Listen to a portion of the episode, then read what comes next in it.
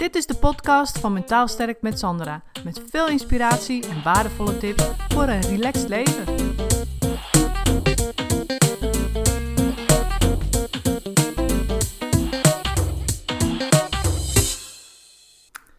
Hey, daar ben ik weer. Eh, hopelijk alles goed met jullie.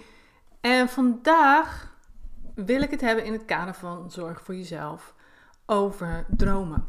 En weet je, ik zie namelijk heel vaak vrouwen in mijn praktijk en als ik hun de vraag stel van, goh, wat zou je, stel dat alles mogelijk was, wat zou je dan direct gaan doen als het, als het komt, uh, aankomt op de invulling van je leven?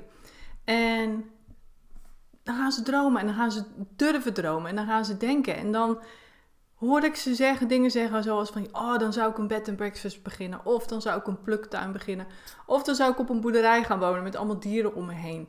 En weet je, dan beginnen ze ook ineens te stralen. Ineens te stralen. Het is vaak zo'n gevecht tegen uh, wat je op je werk allemaal doet en wat je eigenlijk echt wil. Weet je, en ik ben ervan overtuigd dat echt doen wat je wil, dat dat ontzettend belangrijk is voor hoe je je voelt. En dat moeten we echt niet onderschatten.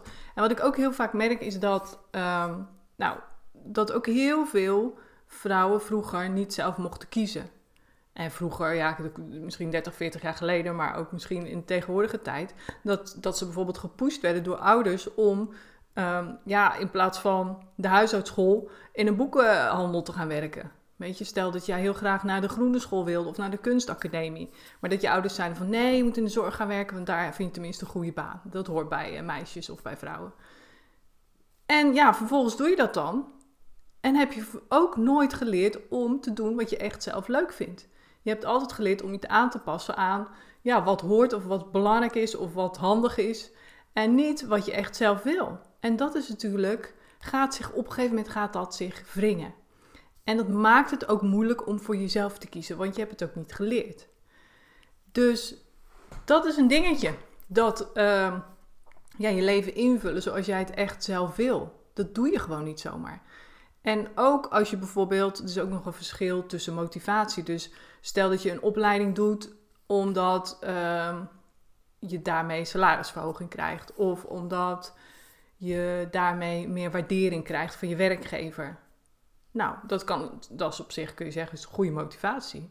Maar het is nog steeds een extrinsieke motivatie. En daarmee bedoel ik dat je dus een beloning van buitenaf daarvoor krijgt. En nogmaals, dat kan werken. Maar een intrinsieke motivatie, dus iets wat je doet puur vanuit je passie, vanuit je hart, dat is vaak een veel betere motivatie. Dus stel dat jij een opleiding doet omdat je vanuit je waarde belangrijk vindt om bij te leren, dan uh, en stel je doet die opleiding die gaat over het, uh, ja, het anderen beter kunnen helpen. Weet je? En je doet die opleiding omdat je daarmee anderen dus beter kan helpen. En omdat je daarmee vanuit je hart dus iets voor een ander kan betekenen. Dan is dat je intrinsieke motivatie vanuit je waarde. En dat, die motivatie werkt natuurlijk altijd veel beter dan de extrinsieke motivatie. Want waardering, misschien maar even. Salaris, ja, een gegeven moment wil je nog meer, weet je. Dat is allemaal maar tijdelijk. En intrinsieke motivatie geeft je gewoon een soort van vervulling van verlangen, een, een, een toegeven aan een passie, waardoor je je echt goed voelt over jezelf en uh, waardoor je voelt dat je je leven waardevol indeelt. En dat is wat ik jullie ook wil meegeven, van je bent zelf dus de architect van je eigen leven. En het is heel moeilijk om soms, vanwege wat je dus geleerd hebt, of vanwege de omstandigheden, of weet je, het zijn ook heel veel uh, bezwaren van je verstand natuurlijk die altijd meespelen. Dus het is heel moeilijk om soms daarin stappen te maken. En daarom wil ik jullie ook oproepen, als je in deze situatie zit, als je vastloopt in je werk, dat je voelt, dit is eigenlijk niet leuk voor me, dit, je doet een opleiding waar je niet achter staat omdat het moet, of omdat je denkt dat je daar meer waardering of geld mee krijgt, of um, ja, je, zit, je loopt op een andere manier vast. Gewoon omdat je ja, gewoon eigenlijk niet weet waarom je vastloopt. En vaak zit dat er dan ook achter. Dat je dus eigenlijk niet doet wat je leuk vindt. Dat je gewoon maar doet wat je doet omdat je toevallig in die baan bent aangenomen. Of omdat daar een kans lag uh, ja, om te groeien. Uh, weet je wel. Zo.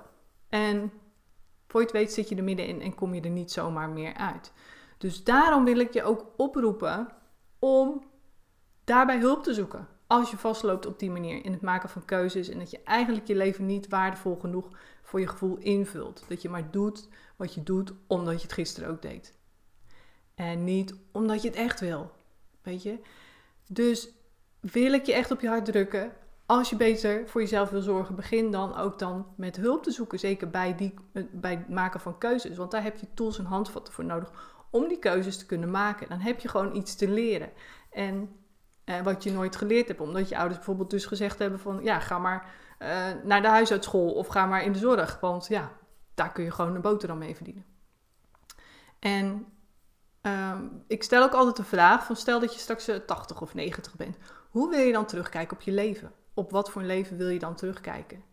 Wil je dan terugkijken op een leven waarvan je zegt: Oké, ja, weet je, ik heb gedaan wat ik wilde, ik heb mijn hart gevolgd, ik, heb, uh, ik ben inderdaad die pluktuin begonnen, ik ben uh, die bed and breakfast begonnen, ik ben die opleiding gaan doen omdat het mij in, innerlijk verrijkte en dat ik me daardoor uh, beter, of omdat ik daardoor anderen beter kon helpen.